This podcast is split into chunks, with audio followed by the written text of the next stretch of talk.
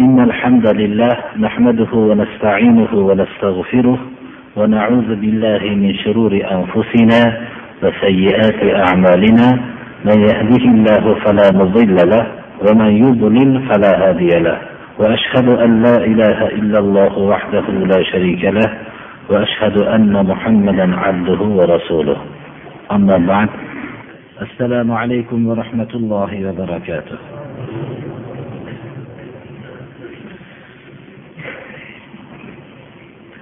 Alloh subhanahu va taolo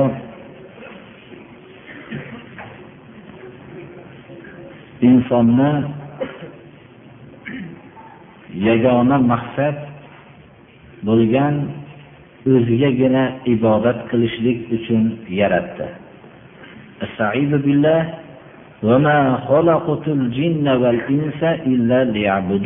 Oyati hasr bilan dalolat qiladiki inson va jin toifasini alloh subhanahu va taolo yagona o'zigagina ibodat qilishlik uchun yaratganligiga.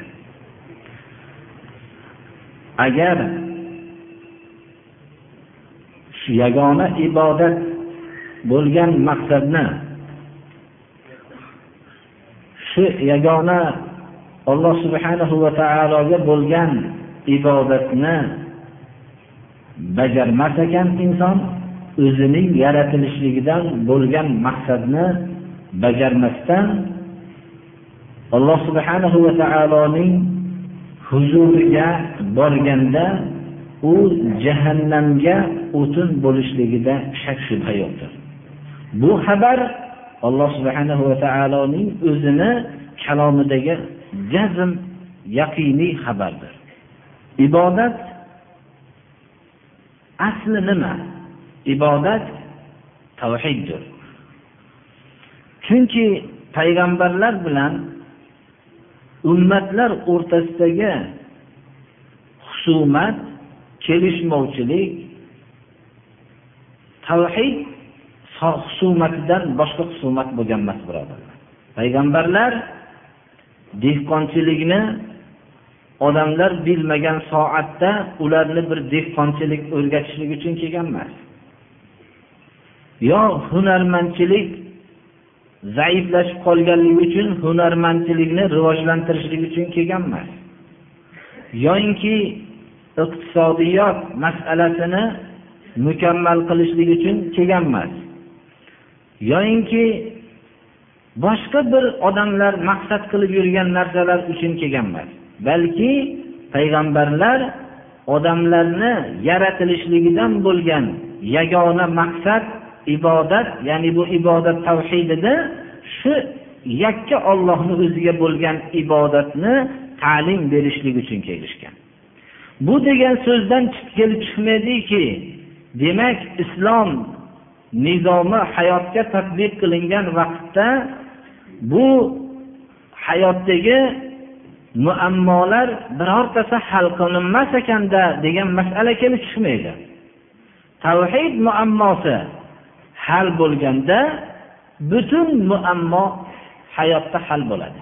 Buni hech biz mubolag'a degan mubolag'asiz buni ayta olamiz. Chunki biz islomimizning tarixidan bu narsani hayotda ko'rganmiz boshqalar ko'rmagan bo'lsa. Ammo tavhid muammosini hal qilmasdan boshqa muammolarni hal qilishga urinishlik bu muammolarni ko'paytirishlik uchun bo'lgan harakatdan boshqa harakat bo'lishi mumkin emas. Shuning uchun ham payg'ambarlar olib kelgan yo'lni qabul qilgan ummat hayotiy butun sohalarning hammasida nihoyat darajada taraqqiy topdi. Payg'ambarlar yo'lini qabul qilmagan ummatlar nihoyat darajada tushkunlikka uchradi. Zohirda ba'zi bir hayotdagi biz yangi ko'rgan nizomlar bular bir iqtisodiyot tomonlardan baland martabaga erishdi degan da'volar bir ko'rinishda to'g'ri bo'lsa ham lekin u bir ma'naviyat tarafida nihoyat darajada inqirozga uchradi. Inson ma'naviy tarafdan bu darajada inqirozga uchragan emas birodarlar. Tavhid muammosini hal qilmasdan boshqa muammoni hal qilishlikni misoli mana xuddi agar misol keltirishligimiz joiz bo'lsa hammamiz bilgan bir afsona borki bir kishining uchta o'g'li bo'lib uchov o'g'lini bir xalqqa bir manfaat yetkazadigan zulmga qarshi kurashadigan farzand bo'lishligini orzu qilgan ota ularning shu kurashayotgan kurashishligini ko'rishlikdan umidi uzilib qariganligi sababli umidi uzilganda ularniga nasihat qilib zulmga qarshi bir kurashishlikni ta'lim berib olamdan ko'z yumib o'tib ketib uni farzandlar kattasi xalqlarga zulm qilayotgan bir arslonni o'ldirishlikka yo'l olganligi va ikkinchisi xalqlarni talon taroj qilib zulm qilayotgan ajdarhoga yo'l olganligi va uchinchisi bo'lsa yo'lda uchinchisiga yozib qo'yilgan borsa kelmas degan og'ir yo'lga shu tarafga qarab yo'l olganligini va unda insonlarni butun ularga zulm qilayotgan yalmog'izga duchor bo'lganligini hammamiz bilamiz. Mana bu afsona bu. Lekin buni tagidagi biz ibratdan foydalanmoqchimiz. Xullas avvalgisi ham o'zini maqsadiga erishganligi ikkinchisi ham o'zini maqsadiga erishganligi uchinchisi yalmog'iz afsonaning asosiy bir diqqatga tortadigan joyi doim bir bir nuqtaga qaratilingan. Bu kenja botirga qaratilingan. U yalmog'iz bilan duchor bo'lganda yalmog'iz o'zining makkorligi bilan kenja botirni o'zini yaniga tortishlikka harakat qilib bu otini bir oyog'ini yeb otingni oyog'i uchtamidi yo to'rttamidi? Bir sanab ko'rgizingchi desa u ziyrak kenja botir otimni oyog'i uchta edi yana bittasini yeb bu otingni oyog'i ikkitamidi uchtamidi? Desa otini oyog'i ikkita edi yana bittasini yeb otingni oyog'i bittamidi ikkitamidi desa otini oyog'i bitta edi otini oxirgi oyog'ini ham yeb otingni oyog'i bormidi yo yo'qmi desa otini o'zi oyog'i yo'q edi. Chunki u yalmog'izning makkorligini sezgan kenja botir o'zini bu qattiq dushman ekanligini sezib shunda yalmog'iz otni qolgani ham ham yeb otda kelganmiding piyoda kelganmiding desa men piyoda kelgandim otda kelmagandim deb.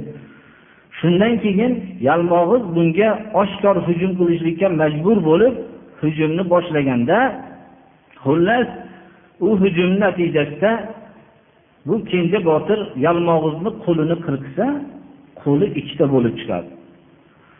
Ikkita qo'lni qirqsa to'rtta bo'lib chiqqanligi oyog'ini qirqsa ikkita bo'lganligi ikkita oyog'ini qirqsa to'rtta. Xullas yalmog'iz buning harakatidan masxara qilib buning harakati unga quvvat bag'ishlayotganligidan quvonib kurashida davom etib buni bu harakatida albatta yengishligini bilib yalmog'izni fikri albatta kenja botirni mag'lubiyatga uchratishlikka jazm qildi. Shunda afsonalar borki bir donishmand unga paydo bo'lib sen o'g'lon bu harakatingda maqsadga yetolmaysan. Bu harakating bilan yalmog'izni kuchaytirasan xolos. Sen bu yalmog'iz bilan haqiqiy shuni halok qilmoqchi bo'lsang bir qof degan tog' bor shu tog'ga yetib borasan unga yetguncha sen qancha daryolarni kechasan shu tog'dan o'tganingdan keyin bir o'rmonga duchor bo'lasan. Bu o'rmonni bosib o'tganingda u bu dushman bor bu yirtqich bor hokazo juda ko'p mashaqqatlarni kechib shu o'rmonni ichida bir baland bir daraxt borki shu daraxtni ustiga chiqishligingda ham qancha qarshiliklar bor. Bularni sanab o'tib shunda bir qush borki shu qushning buyragida yalmog'izning joni turadi. Shuni ushlab o'ldirsang endi yalmog'iz taslim bo'ladi senga. Lekin avvalda sen bunga sabr qilmoqliging kerak. Deb donishmand g'oyib bo'lganligini xullas kenja botir bu harakatni hammasini bajarib bu kurashgan vaqtida kulib masxara qilib turgan yalmog'iz u shuni buyragini shunday ochib ushlagan vaqtida yalmog'iz paydo bo'lib jon jahdi bilan yalinib uning xizmatida bo'lishlikni va'da qilib bunga yalinib qolganligi va yalmog'izni shu buyrakni ezib tashlashlik bilan halok bo'lganlik afsonasini ko'pchilik biladi. Bu o'zi afsona lekin bu hayot muammosini har bir kishi hal qilishlikda bir tadbir bo'lmoqligi kerakligini va u muammo hal bo'lguncha ba'zi bir qiyinchiliklarga bir mashaqqatga chidamoqlik kerakligiga ishoradir birodarlar. Hozir ham yomonlik yalmog'izi nihoyat darajada rivoj topgan. Bu yomonlik yalmog'izi bilan kurashadigan odamning soni u kenjabotir tarixda bitta son sanoqsiz bo'ldi. Va hammasi mag'lubiyatga uchrab yalmog'iz oldidan masxaraga duchor bo'lib halok bo'lmoqda. Bu yalmog'iz yomonlik yalmog'izi bilan hayotning hamma tarmog'iga nazar tashlasangiz muammolar dunyosi u muammo yalmog'izini qo'lini chopsangiz ikkita qo'l paydo bo'lyapti. Muammo ikkita bo'lyapti. Yo oyog'ini chopsangiz ikkita bo'lyapti. Bu ikkita muammo yalmog'izini halok qilaman desangiz to'rtta paydo bo'lyapti. Shuning uchun sahobalar rasululloh sollallohu alayhi vasallam tarafidan tarbiyalanganlarida payg'ambarimiz sollallohu alayhi vasallamning davridagi johiliyat yalmog'iziga bu bilan kurashishlikni qo'ydilarda hayotdagi bu yalmog'izni vujudga kelishligiga sabab bo'lgan shirk bilan kurashdilar. Bu shirk mana shunday hayotni muammoga to'ldirgan edi. Buning aksi tavhid edi. Mana bu tavhidni barpo qilganlarida hayotdagi yalmog'iz yalinishlikka o'tib qoladigan darajada bo'ldi. Mana bu tavhid muammosi hal bo'ldida shu bilan hayot bir jannatga aylandi. Va bu rasululloh sollallohu alayhi vasallamning harakatlari hammasi tavhid barpo bo'lishligiga harakat qildilar. Shuning uchun ham bu harakat osonlikcha bo'lmadi. Bu harakat tavhid muammosini hal qilishlik uchun bo'lgan harakatdan boshlab rasululloh sollallohu alayhi vasallamni amin muhammad amin deb laqablab yurgan hamma odam dushmanga aylandi birodarlar. Dushman bo'lib ham sekin asta muhammad alayhissalomni yo'qotganga mukofot tayin qiladigan dushmanlarga aylandi. Bu rasululloh sollallohu alayhi vasallam tavhidni o'zining atrofidagi kishilarga tushuntirolmaganlaridan keyin bu tavhidni qabul qilingandan keyin hayotdagi yalmog'iz e, muammo yalmog'izi sekin asta o'zini joyini bo'shatib yo'qola boshladi. Hozirgi vaqtda ham takror aytamiz juda ko'p birodarlarimiz savol qilishadilar. Mana bu muammo u muammo va hokazo har xil narsalarni savol qilishadilar. Lekin bu narsani hal qilmoqchi bo'lganda muammolar dunyosiga kirib qoladi. Buning sababi biz tavhid muammosini hal qilganimiz yo'q. Shuning uchun bu muammo ozgina fursat bilan hal bo'ladigan emas. Uzoq vaqt qalblarga kirib ketgan odatlarga kirib ketgan bu shirk yalmog'izi osonlikcha jon bermaydi birodarlar. Shuning uchun bunga biz uzoq yo'llik masofani rasululloh sollallohu alayhi vasallam o'n uch yil muddatda mana bu tavhid muammosini hal qildilar. Makkada rasululloh sollallohu alayhi vasallam hamma odamlarni ya yuhannas la ilaha illalloh ey odamlar la ilaha illalloh deyiladi.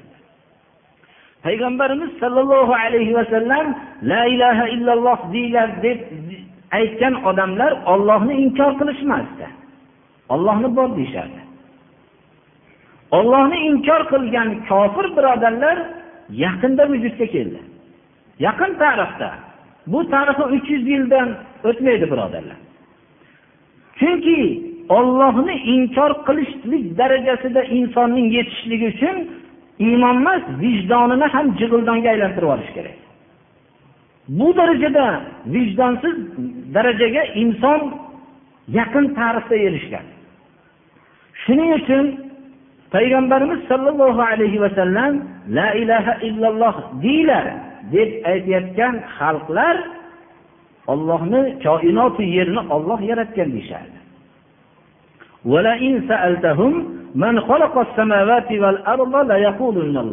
Agar koinoti yerni kim yaratgan deb so'rasangiz olloh deyishadi. Bular bu e'tiqodi iymon safiga olib kirolmadi. Albatta bu biz xoliq vahdoniyatini tan olishimiz kerak. Tavhid uchun bu shart lekin bu kifoya qilmaydi. Rububiyatni tan olishadi ya'ni koinoti yerni kim tarbiya qilib boshqaradi degan savol bo'lsa ular olloh deyishardi. Demak rububiyatullohni ham tan olishardi. Bunda ham tavhid ya'ni yakka olloh boshqaradi deyishardi rizqni kim beradi deyishsa olloh beradi deyishardi kim o'ldiradi va tiriltiradi deyishsa olloh deyishardi mana bu e'tiqodotlar ularni la ilaha illalloh kalimasini aytayotgan odamlar safiga olib kirolmadi birodarlar. Biz buni yaxshi tushunmoqligimiz kerak.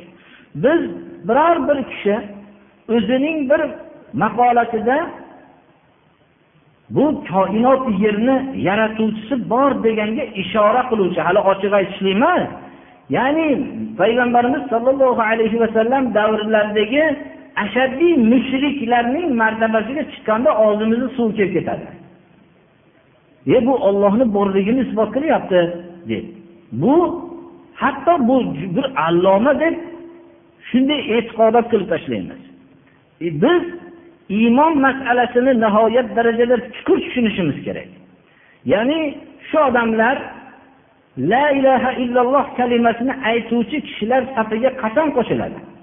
Payg'ambarlar bilan xalqlar o'rtasidagi husumat nima edi? Ibodatni yakka ollohga qilishligida. Demak ibodat qilardi makkadagi mushriklar va boshqa mushriklar. Lekin ibodatni ollohga ham qilishardi boshqa ollohdan boshqa narsalarga ham qilishardi. Ba'zilar oftobga sig'inardi ba'zilar oyga sig'inardi ba'zilar yulduzlarga sig'inardi ba'zilar toshlarga sig'inardi ba'zilar daraxtlarga sig'inardi. Mana bu ibodatlarida sig'inishda ya'ni duo qilishardi. Ba'zilar ollohni buyrug'ini qo'yib odamlarni buyrug'iga bo'ysunardi. Bu mana yahudlar o'zlarining olimlarini so'zini qabul qilishardi ollohni buyrug'ini qabul qilishmasdi. Nasorolar ham mana shunday bo'lishdi. Shu bilan bular mushrik bo'lishdi. Biz yana diqqat berishimiz kerakki kul inna salati va nusuki va mahyaya va mamati lillahi robbil alamin. La sharika له va أمرت umirtu va ana muslimin. Alloh subhanahu va taolo rasululloh sollallohu alayhi vasallamni buyuryaptiki ayting namozim va qurbonligim. Qurbonlik degan ma'noni biz faqat qurbon ididagina so'ygan qurbonligimiz emas davomiy suratda so'ygan ollohni yo'lidagi so'ygan narsamiz faqat alloh robbil alamin shariki yo'q bo'lgan zotgagina ekanligini e'lon qiling deyapti mabodo namoz bilan so'yishni yonma yon zikr qilingan bir odam aytmasinki men sajdani ollohga qilyapman lekin so'yishimni falon mozorga yo falon daraxtga yo falon narsaga yo falonchiga ho tirik ho o'lik shunga men so'yyapman deb aytishligi bilan men sajdani ollohga qilyapman men ibodat qilayotganim yo'q deb davo qilishlikka haqqi yo'q. Alloh subhana va taolo nusuk va mahya va mamati lillahi robbil alamin. Hayotim va mamotim hammasi alloh subhanahu va taologa xosdir rasululloh sollallohu alayhi vasallam mana bu shirk nima ekanligini bildirib aytdilarki bir kishi pashsha sababli jannatga kirdi dedilar bir kishi jahannamga kirdi dedilar. Yo rasululloh bu nima deb tushunamiz? deb so'rashganlarida o'tgan ummatlardan ikki kishi safar qilishdi. Bir joyda mushriklar o'zlarining butlariga bir qurbonlik qilib o'tkazadigan joyga kelishganda biror bir narsani atab o'tasan bizni butimizga dedi. Bittalari aytdilarki men olloh subhanahu va taolodan boshqaga hech qanday bir narsani atamayman ibodatni faqat ollohga qilaman dedi. Yo'q mumkin emas dedi o'tishliging. Biror bir pashshani bo'lsa ham qurbonlik qilasan dedi. Zibo ya'ni qora pashsha shu. Shu qora pashshani ha bu o'tsam o'tibmanda deb qora pashshani qurbon qildi. Jahannamga kirdi dedilar. Ikkinchisi aytdiki men faqat alloh subhana va taologa meni ibodatim. Hech qanday boshqa narsaga men ibodatni qilmayman dedi. Va uni o'ldirishdi. U jannatga kirdi dedilar. Demak shirk bizda shuni tushunishimiz kerakki birovning ko'rinishdagi harakatlari yoyinki bir oddiy biz o'zimiz bilgan qilayotgan ibodatlari bizni ko'zimizni bo'yab qo'ymasligi kerak. Agar shirk amalining kichkinasini bo'lsa ham qilsa mana bu zibobga qayd qilishliklari va hayotda alloh subhana va taolo shuni voqeda bo'lganligi va rasululloh sollallohu alayhi vasallam bu xabarni bizga berishliklari shirkning qanchalik maraz narsa ekanligini najat ekanligini ko'rsatadi. Va biz najasligi qur'oni karimda alloh taolo mushriklar najas bir najas bir katta idishga shu tushib qolsa ha bu endi ozgina bir narsa tushdida demaydi hech kim. Bu suvni najas deydi birodarlar. Shuning uchun biz tavhidni biror bir shirkning bo'yi bilan ham bulg'ab qo'ymaslikka harakat qilmoqligimiz kerak. Bandaga alloh subhanahu va taolo bir buyruqni qilgan xabar kelsa xoh mo'min kishi xoh mo'mina ayol bunga mumkinmasdir xohlasam qilaman xohlamasam yo'q deb ixtiyorli bo'lishligi mumkin emas kishi inson ixtiyorli xohlasin lekin aqidani tanlashda lekin aqidani tanlagandan keyin mo'minda ixtiyor qolmaydi وما كان لمؤمن ولا مؤمنة إذا قضى الله ورسوله أمرا أن يكون لهم الخيرة من أمرهم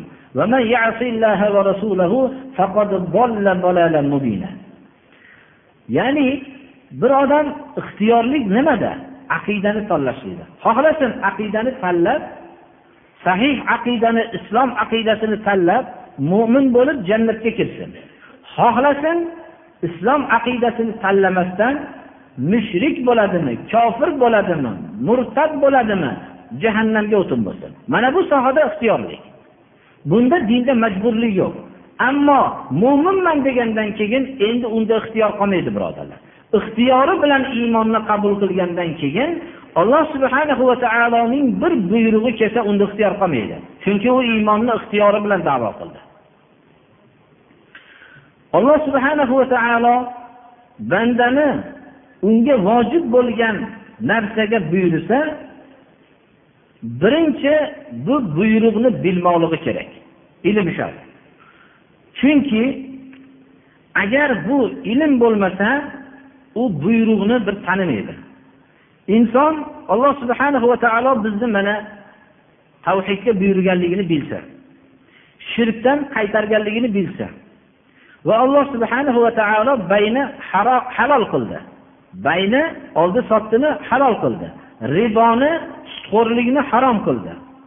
Va bilsaki alloh subhanahu va taolo mana yetimni molini yeyishlikni harom qildi. Va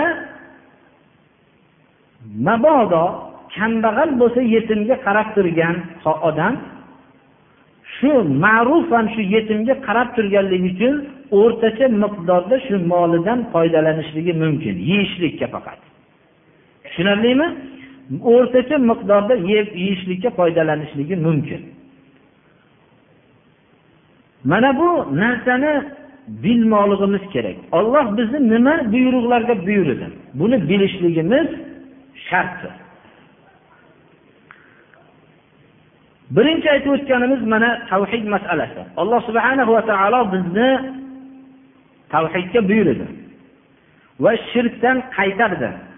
Shirkdan qaytargandan keyin biz shirklar nima ekanligini bilmoqligimiz kerak. Mana o'tgan darslarimizda buni takror qilib o'tdik. Ikkinchi shart shuki alloh subhanahu va taolo tushirgan narsaga muhabbat qilmoqligimiz kerak. Ya'ni shariati islomiyaga muhabbat qilmoqligimiz kerak. Ollohni tushirgan qur'onini rasululloh sollallohu alayhi vasallam olloh tarafidan olib kelgan vahiy hadisi mutavotir sahih hadislarini olloh tarafidan buni olib keldilar. Biz bunga muhabbat qilmoqligimiz kerak. Agar muhabbat qilmasdan karih ko'rsa xohlamasa kufr deb qur'oni karim bizga bayon qilyapti.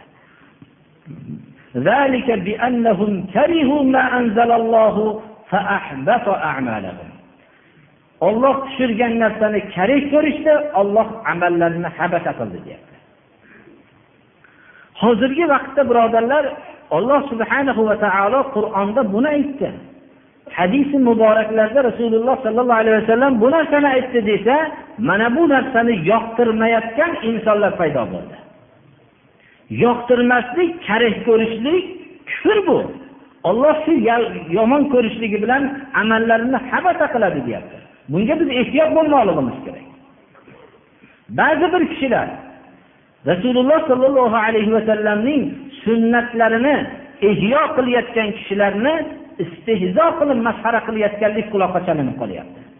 Bu narsa qur'oni karimda istehzo ollohning oyatlarini ollohni va rasululloh sollallohu alayhi vasallamni istehzo masxara qilganlarni kofir bo'lganligida shak shubha yo'q xabarini aytyapti shu rasulihida payg'ambarimiz sollallohu alayhi vasallamning sunnatlarini ihyo qilishlikni ham masxara qilishlik mana shu yerga olib boradi لا تعتذروا قد كفرتم بعد إيمانكم إن نعفو عن طائفة منكم نعذب طائفة بأنكم bu oyatni davomi bizga hozir kerakli joyi la ta'taziru qad kafartum ba'da imanikum iymoninglardan keyin kofir bo'lganliginglarda shak shubha yo'q.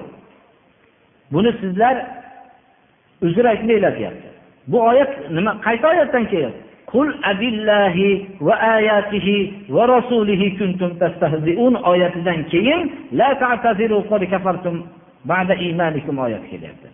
Ollohni va ollohning oyatlarini va rasulini masxara qilasizlarmi? Sizlar uzr aytmanglar kofir bo'lganliginglarda shak shubha yo'q deyapti. Shuning uchun biz mana bu oyatdan o'zimizga xulosa chiqarishimiz kerakki muhabbatul rasul muhabbatu ma anzalalloh rasululloh sollallohu alayhi vasallamga muhabbat qilish va hamda olloh tushirgan narsaga muhabbat qilishlik bizga vojibdir. Agar muhabbat bo'lmasa buni karih ko'rishlik vujudga keladigan bo'lsa kufrga borib qoladi. Ko'p kishilar rasululloh sollallohu alayhi vasallamga muhabbat qilmaydi. Balki billah yomon ko'radi. U kishi olib kelgan yo'lni yomon ko'radi. Sunnatlarini yomon ko'radi. Mana bu narsani juda ehtiyot bo'lmoqligimiz kerak. Uchinchi narsa bilib olloh tushirgan narsaga muhabbat hosil bo'lgandan keyin bunga amalga maqsad qilmoqlik kerak. Ya'ni amal qilaman degan niyat bog'lamoqlik kerak. Ko'p odamlar biladi yaxshi ko'radiyu lekin amalga qasd qilolmaydi. Nimaga? Biror bir dunyoiy ishlariga putur yetib qolishligidan qo'rqib ko'p kishilarni sunnatga muvofiq amal qilishliklarini agar tushuntirilsa men hozir mana bunday sharoitda turibman bu sunnatlarni ehyo qilishlik bilan menga sal noqulay deydi. Azm yo'q qasd yo'q unda. Ba'zi bir kishilar qasd qiladi. Qasd qiladida ba'zida amal ham qiladi. Qasddan keyin amal ham qiladiyu hurmatlab yurgan odamlarida bunga bo'lgan amal yo'qligini ko'rib darrov qaytib ketaveradi. Bir kishini siz hurmatlardik siz bir shariatga muvofiq bo'lgan rasululloh sollallohu alayhi vasallamning buyruqlarini qilmoqchisizda lekin siz hurmatlab yurgan odam u narsada yo'q. Yo'q bo'lgandan keyin bu narsani qasdi yo'qoladida balki qilgan amali ozgina muddatdan keyin o'zgaradi. Beshinchi banda alloh subhanahu va taoloning buyrug'ini eshitgandan keyin birinchi bilish va keyin unga muhabbat qilish va uchinchi qasd qilish to'rtinchi martaba amal qilishlik. Beshinchi martaba bo'lsa amal qilgan odamlarniki xolis bo'lmaydi. xolis bo'lishligi kerak ya'ni bu qilgan amali bilan ko'pchilik qilayotganligi uchun yo birovdan bir maqsadini undirib olishlik uchun yoyinki biror odamdan qo'rqishlik uchun qilmasligi kerak xolis bo'lmoqligi kerak ya'ni alloh subhanahu va taoloning rizosi uchun bo'lmoqligi kerak har bir so'zimda takrorlayman الدنيا ملعونة وملعون ما فيها إلا ما يبتغى به وجه الله تعالى dunyo mal'un la'natlangandir va dunyodagi hamma narsa la'natlangandir. Magar alloh subhanahu va taoloning rizosi talab qilingan narsagina pokdir. Chunki bu narsa alloh subhanahu va taoloning huzurida va dunyoda mukofotdir. Bu gapni moddiy falsafada o'rgangan hayot kechirgan ko'pchilik bu narsa ma'qul bo'lmasligi mumkin. Lekin bunga bir dalil keltirilmasa ular bu narsani qabul qilolmaydi nahotki dunyodagi hamma yaxshilik malum bo'lsa deb turadi? Siz bir odamdan yaxshilik ko'rdingiz. Sizga aytaylik joy olib berdi. Sizni tamomiy kambag'allik vaqtingizda qaradi. Kasallaringizga butun moli davlatini sarf qildi. Xullas ota onangiz qilmagan hamma yaxshiliklarni qildi.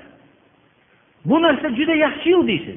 Agar shu ish olloh uchun bo'lmadi xolis bo'lmadi voyaga yetishingiz bilan tuzalishligingiz bilan siz ollohga qul bo'lishlikdan o'ziga qul bo'lishlik tarafiga qarab yura boshlaysiz. Shu odamga qul bo'lmagan kuningiz shu odamni so'zini qaytargan kuningiz siz bilan shunday jang qiladiki yer yuzida biror bir odamni tanimagan umrida sizga yomon yaxshilik qilmagan odamni ham shuncha yomon ko'rmaysiz birodar. Shu odamni eng yomon ko'rasiz.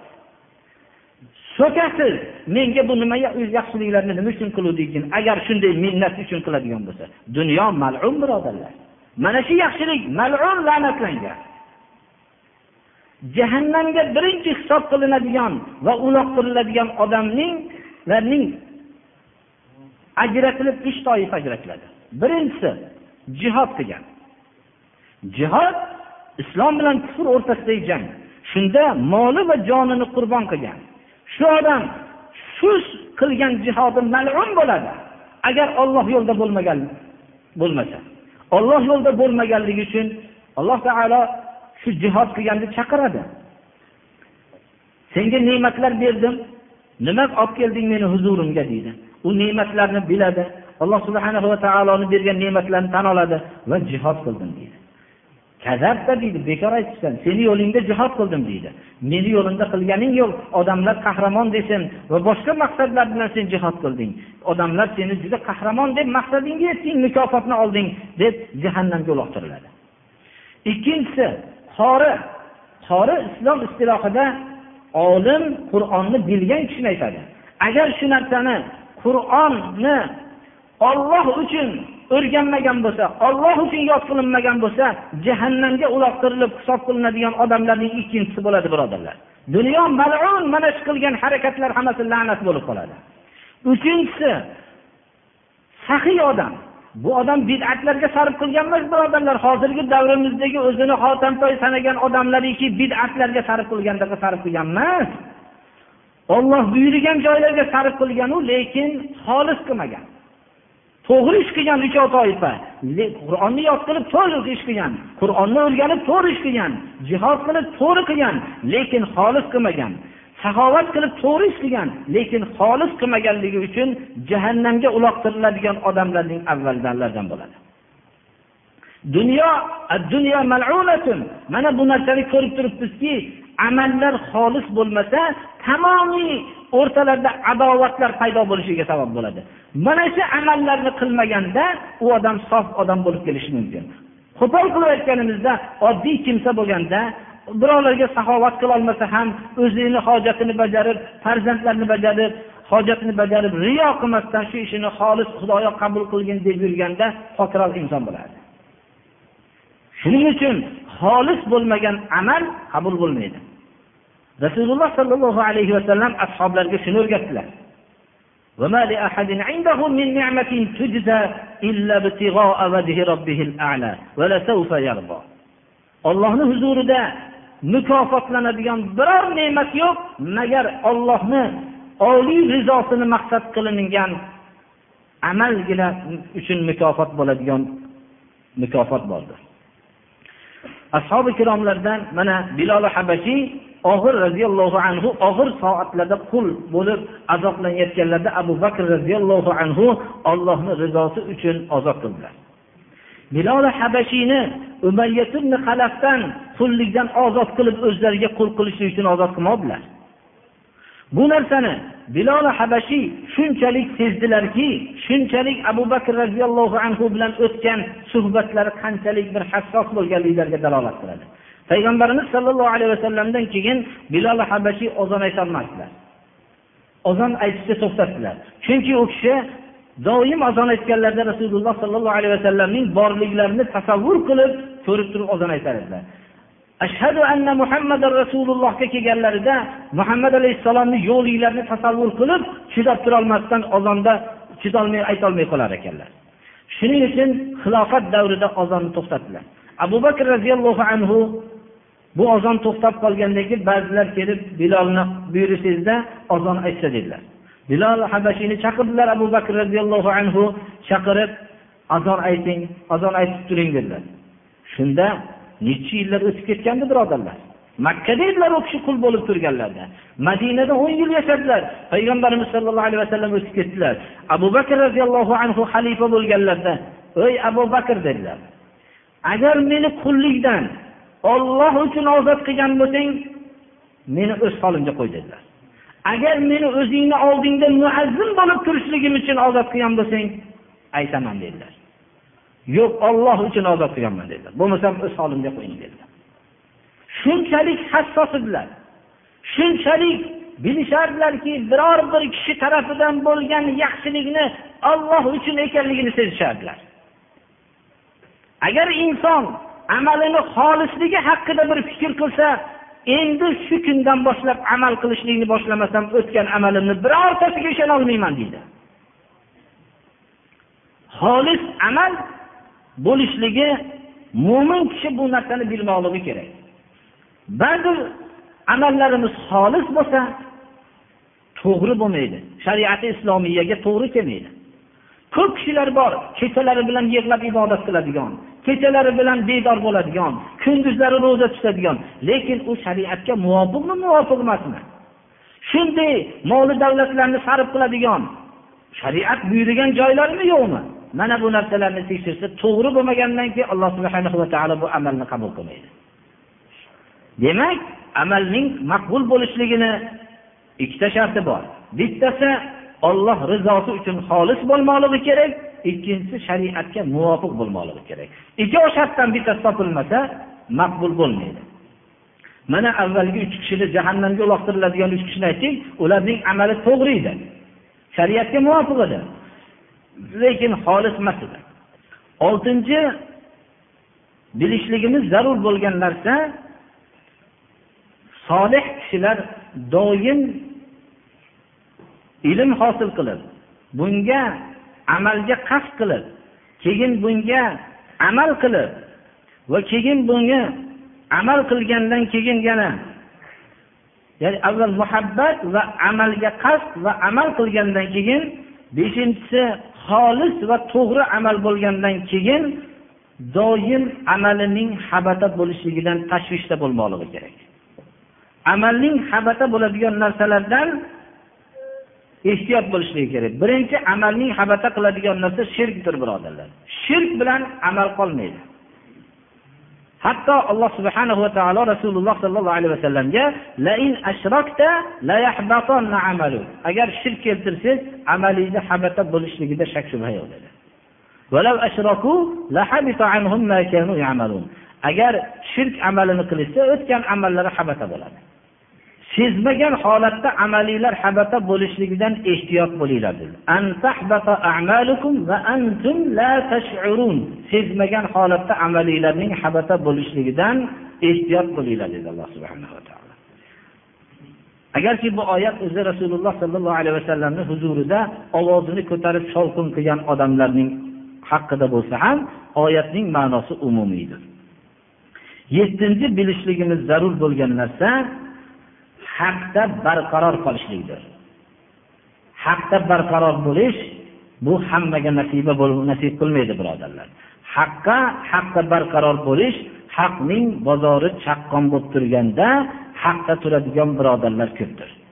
Ammo haqning bozori kasad bo'lganda bunda haqda turadigan kishilar kamayib ketadi.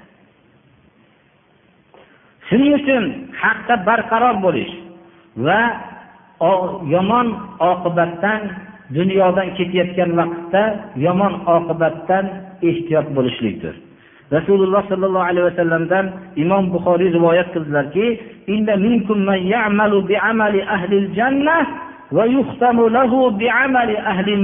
dedilar. Sizlarni ishinglarda dedilar. Minkum dedilar. Rasululloh sollallohu alayhi vasallam ashoblarga xitob qilib aytdilar ishinglarda ahli jannatlarning amalini qiladigan kishilar bo'ladi ammo oxirida jahannam ahlini amalini qilib ketib qoladi dedilar. Ba'zi bir hadislarda borki ba'zi kishilar jahannam bilan o'zini o'rtasida bir qarich masofa qoladi. Bir so'zni aytadida bu so'zi shunday ummatga manfaatli bo'ladiki u ahli jannat bo'lib jannatga ketadi dedilar. Ba'zi odamlar bilan jannat o'rtasida bir qarich masofa qoladida shu bir so'z aytadiki bu so'zning zarari o'zi va ummat uchun zararli bo'lganligi bilan jahannamga ketadi dedilar. Alloh subhanahu va taolo hammamizni mana bu oqibatimizda ahli jannat amallarini qilib ketishlikka alloh taolo muvaffaq qilsin. Sahoba ikromlarni fazilatlari haqida o'rganayotgan darsimizda oysha ummul mo'minin roziyallohu anho fazilatlariga kelib to'xtagan edik. Rasululloh sollallohu alayhi vasallamning eng suyumli oilalari bu oysha roziyallohu anho oysha roziyallohu anho alloh subhanahu va taoloning marhamati bu kishiga juda katta bo'ldi. Ba'zi fuqarolar tili bilan aytganda islom ummatining islom fiqhining uchdan biri oysha roziyallohu anhodan rivoyat qilingan deyiladi. Ya'ni islom ummati uchun kelgan fiqh ilm uchdan biri oysha roziyallohu anhodan rivoyat qilingan deyiladi. Shunchalik katta fazilatni alloh subhanahu va taolo bu kishiga berdi. Rasululloh sollallohu alayhi vasallamning jannatdagi ayollaridir deb guvohlik beraman deb ammor ibn yosir roziyallohu anhu aytdilar. Oysha roziyallohu anhu o'zlaridan rivoyat qilinadiki bu kishi aytadilarki la yantaqisuni insanun fid dunya illa tabarra'tu minhu fil akhirah degan ekanlar. Qaysi bir inson meni dunyoda kamsitsa oxiratda undan bezor bo'laman degan ekanlar. Alloh subhanahu va taoloning mana marhamati bu kishiga jibril alayhissalomni ham bu kishiga payg'ambarimiz sollallohu alayhi vasallamning oldilariga kelganda salom olib kelardilar payg'ambarimiz sollallohu alayhi vasallam oysha roziyallohu anhoga aytdilarki hada jibril bu jibril keldi dedilar sizga salom aytyapti dedilar فقالت وعليه السلام ورحمة الله وبركاته ترى ما لا نرى allohni salomiy rahmati jibrilga bo'lsin siz biz ko'rmay turgan narsani ko'rasiz payg'ambarimiz sollallohu alayhi vasallam aytdilarki ولم يكمل من النساء إلا آسية قال يحيى آسية امرأة فرعون ومريم ابنة عمران وإن فضل عائشة على النساء كفضل الثريد على سائر الطعام er kishilardan ko'p kishilar kamolotga yetdi. Ya'ni nihoyatda komil insonlar bo'lishdi. Ayollardan to'rtta ayol komil bo'lganligi. Allohu alam bu yerda birinchi komil bo'lganlarni aytyaptilarki osiya dedilar. Ya'ni fir'avnning ayoli. Bu imroati fir'avn ya'ni fir'avnning ayoli osiya.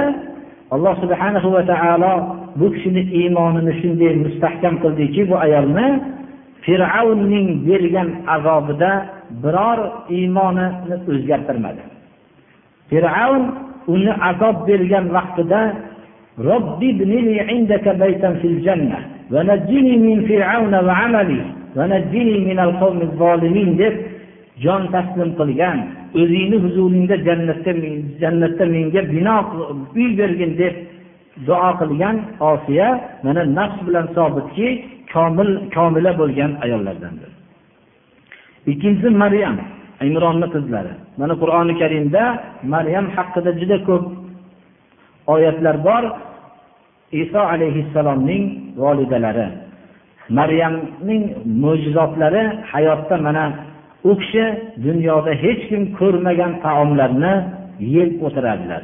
Bu taom qayerdan sizga desa ollohni huzuridan keldi deb shunchalik iso alayhissalomni otasi tuqqan maryamdir. Alloh subhanahu va taoloning mo'jizasi maryamda sodir bo'ldi. Alloh subhanahu va taolo insonni ota onasiz avvalini yaratdi va otasiz ham qilib yaratib o'zining mo'jizasini ko'rsatdi. Odamlar bu narsani bu imtihon bo'ldi. Nasorolar adashib ketdi. Otasiz tug'ildi deb ollohni o'g'li deb adashib mushrik bo'lib ketishdi. Alloh subhanahu va taolo bu narsani imtihon qildi. Iso alayhissalomni olloh otasiz yaratdi xuddi odam alayhissalomni tuproqdan yaratganga o'xshagan. Bu bilan bizga mo'jiza bo'ldida va alloh subhanahu va taoloning qudratini yana bir bor ko'rishdi. Lekin odamlar odatdan tashqari bo'lgan narsanigina mo'jiza deydi. Bo'lmasam ota onasi bor bo'lib turib vujudga kelishlik ham har qanday ota onasiz yaratilishlikdan kam mo'jiza emas ota ona bilan insonning vujudga kelib uning dunyoga kelishligi ham ota onasiz yaratilishligidan ko'ra katta kichik emas bu mo'jiza. Dunyoda o'zi mo'jiza emas narsa yo'q. Lekin buning mo'jizalik xususiyatini odamlarning ko'zida ko'p takrorlanishligi yo'qotib qo'yadi. Ko'p aytamiz masalan hozir men gapirib turganda bu harflarning tashkil tez topishligi va bu harflarning ketma ket bog'lanishligidan bir ma'nolarning ifoda qilinib boshqalarning tushunib bu tushunib tezlik bilan bu narsalarning hal bo'lib biror bir qiziq narsa bo'lsa kulgini paydo bo'lishi va yig'laydigan narsa bo'lsa bunga yig'ini paydo bo'lishligi ham har qanday bu mo'jizadan kam emas birodarlar. Qanday tashkil topyapti? Bu qanaqa bu og'izlarning qimillashligidan nima bu ma'nolar bilinyapti? Uning qanday bu narsa tezlik bilan mafhumlarni bildiryapti inson qaysi bir narsaga qarasa mo'jiza lekin buning mo'jizaligini ko'p ko'rishlik u mo'jizali xususiyatni yo'qotadi. Agar hayotimizda shu oftobni chiqishligini umrimizda ko'rmaganimizda bir joyda shu oftobni chiqishligi bor joy bo'lsa shu yerdagi shu yerdagi yashayotgan odamlarning tirikligiga shu narsa o'zi kifoya qilardi. Odamlar shu yerga borib kelib shu oftobni chiqishligini tomosha qilishib kelardi. Tamomiy mollarini sarf qilib va hammaga gapirib oftobni chiqishligini ko'rib keldim desa odamlar uni ko'rgani kelib undan eshitishib yashagan bo'lardi. Lekin buning doim ro'baro'yimizda bo'lib turishligi mo'jizalik xususiyatini odamlardan g'aflat yo'qotib qo'yadi birodarlar. Mavzudan tashqariga chiqib ketdik. Ya'ni alloh subhanahu va taolo mana kamolot hosil qilgan ayollardan bittasi maryam bo'lsa uchinchisi oysha roziyallohu anho aytdilarki bu to'rtinchilari hadija kubro mana boshqa rivoyatlarda keladi. Oysha roziyallohu anhoning ayollardan ortiqligi dedilar rasululloh sollallohu alayhi vasallam sarid taomining boshqa taomlardan ortiqligiga o'xshaydi. Sarid bu go'sht bilan tayyorlangan taomni aytamiz. Boshqa taomlarni hammasidan bu afzal ekanligini ishora qildilar. ba'zi rivoyatlarda jibril alayhissalomning ko'rganliklari haqida oysha roziyallohu anhu aytadilarki رأيت رسول الله صلى الله عليه وسلم واضعا يده على مغرفة فرس وهو يكلم دحية الكلب qo'llarini otni bir peshonasiga qo'yib turganliklarini ko'rdim dehyatul kalbiyga gapirib turibdilar Jibril alayhissalom ko'p vaqtlarda dehyatul kalbiy degan sahobani rum viloyatiga payg'ambarimiz sollallohu alayhi vasallam jo'natgan elchilarining nomi dehyatul kalbiy shu kishining suratlarida kelardi dehyatul kalbiy payg'ambarimiz sollallohu alayhi ichidagi chiroyli kishilardan edi. Payg'ambarimiz sollallohu alayhi vasallam elchilarini ko'rinish va gapirish turishlarini nihoyatda botil yuraklilarni tanlardilar. Chunki elchi jo'natuvchi odamning kimligiga dalolat qiladi. Shuning uchun kalbiyni eng masalan rum viloyatiki shu vaqtda eng katta davo qilib turgan odamni podishoni huzuriga dehiyatul kalbiyni jo'natdilar jibril alayhissalom ba'zi odam suratida kelganlarida dehiyatul kalbiy suratda kelardilar. Shunda payg'ambarimiz sollallohu alayhi vasallam bir otni peshonasida qo'lga qo'llarini qo'yib turibdilar otda dehiyatul kalbiy bilan gaplashyaptilar. قالت رأيتك واضعا يدك على مغرفة فرس دحية ودحية الكلب وأنت تكلمه. قال أورأيتيه؟ قالت نعم. قال ذاك جبريل وهو يقرئك السلام قالت وعليه السلام ورحمة الله وبركاته. جزاه الله خيرا من صاحب ودخيل. فنعم الصاحب ونعم الدخيل لله. Payg'ambarimiz sollallohu alayhi vasallamdan so'radim deydilar dehyatul kalbiy bilan otni ishlab turib gaplashayotganingizni ko'rdim deganlarda ko'rdingizmi dedilar. Bu jibril dedilar. Sizga salom aytyapti dedilar. Jibrilga ham allohni salomiyu rahmati bo'lsin dedilar. Qanday bizni uyimizga sizni qanday bir sohib sizga jibril va qanday bizga mehmon dedilar. Oysha roziyallohu anho shunchalik hayotlarida ko'p bir amal bilan o'tganlarki bu kishini ta'riflari nihoyat darajada ko'p. Hatto jiyanlari katta bir hadya jo'natib shu bilan ibodat qilib o'tirsinlar deb jo'natganlarida shu hadyani kechgacha qo'ymasdan taqsim qilib yuborgan ekanlar. Bu jiyanlari g'azablanib men bergan hadyani hammasini berib yuboribdilar degan vaqtida menga bergan hadiyaga agar bu o'zi yana minnat qiladigan bo'lsa bu gapirmayman deb qasam ichib qo'ygan ekanlar. U kishining duolarini ijobatligidan qo'rqib uzr aytishlik uchun kelganlarda kirgizmagan ekanlar.